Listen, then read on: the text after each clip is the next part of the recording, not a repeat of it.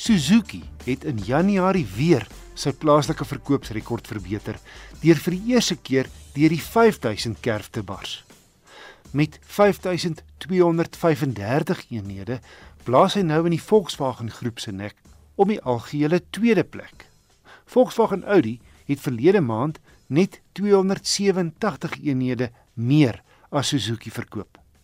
Maar haal Audi se 407 uit die prentjie, dan het Suzuki inderdaad vir Volkswagen met 120 eenhede kaf gedraf. Dis tekenend van die finansiële druk waaronder die middelklas verkeer.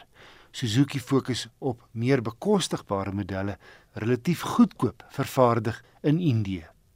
Die groot gros Suzuki's is geprys tussen 175 000 en 350 000 rand. Laasgenoemde bedrag is waar die nuwe geslag Polo reeks begin met die duurste Volkswagen 1,7 miljoen rand. Die Swift is die gewildste Suzuki, verlede maand is byna 1600 verkoop.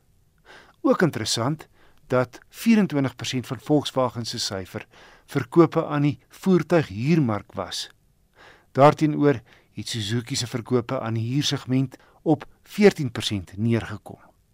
Toyota was verlede maand, soos die afgelope 44 jaar, die topverkoper met net meer as 10800 eenhede. Sedert Ford nie meer die EcoSport, Fiesta en Figo verkoop nie, het hy teruggesak. Maar danksy gesonde verkope van die Ranger bakkie, verlede maand meer as 1900 en die Everest met 329 was hy 4de met net oor die 2400 eenhede, 'n kortkop voor Nissan in die 5de plek. Indien jy volledige verkoopsyfers wil ontvang, stuur net 'n e-pos na my. Naamsa stuur my elke maand die lys, ook verkoopsyfers van elke model wat ek dan e-pos aan luisteraars wat belangstel. My e-posadres is wissel@rsg.co.za.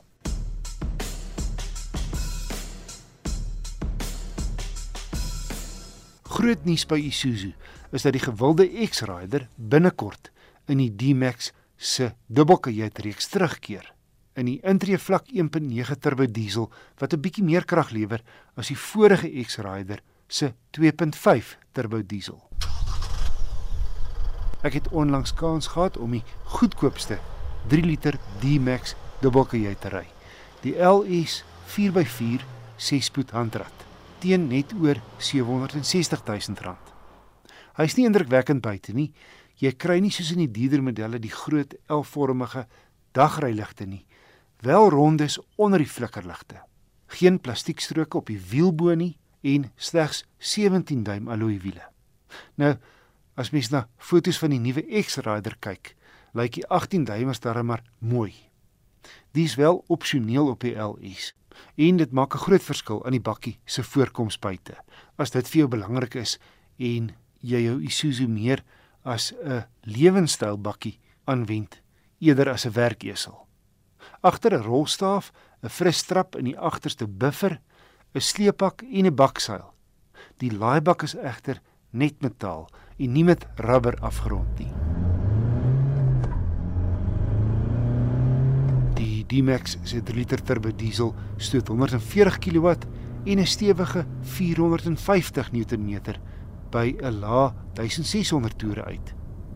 Vir 'n bakkie ry hy gerieflik op teer en grond sonder enige vrag beter as die klasgemiddeld. Ek het algehele goeie gemiddeld van 9,3 liter per 100 km gemeet. Die LS intree model kom met tog beheer, USB laaipunte voor en agter.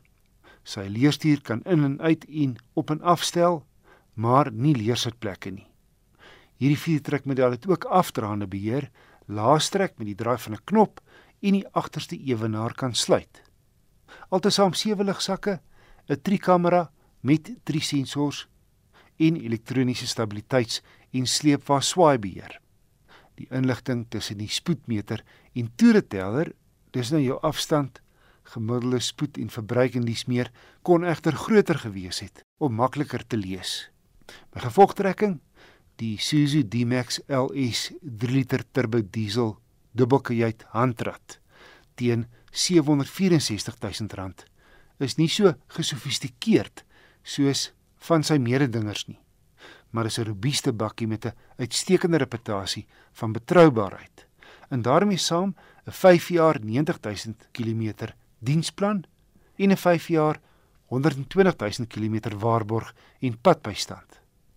'n Aantrekliker en effens luxer Isuzu dubbeltjie is egter die X-Rider wat op pad is. Nogal teen 'n laer prys as die 3 liter LS. My raad is indien jy tevrede sou wees met die 1.9 turbo diesel wat voldoende krag lewer as jy nie sleep nie. Wees geduldig en wag vir die X-Rider om sy opwagting te maak.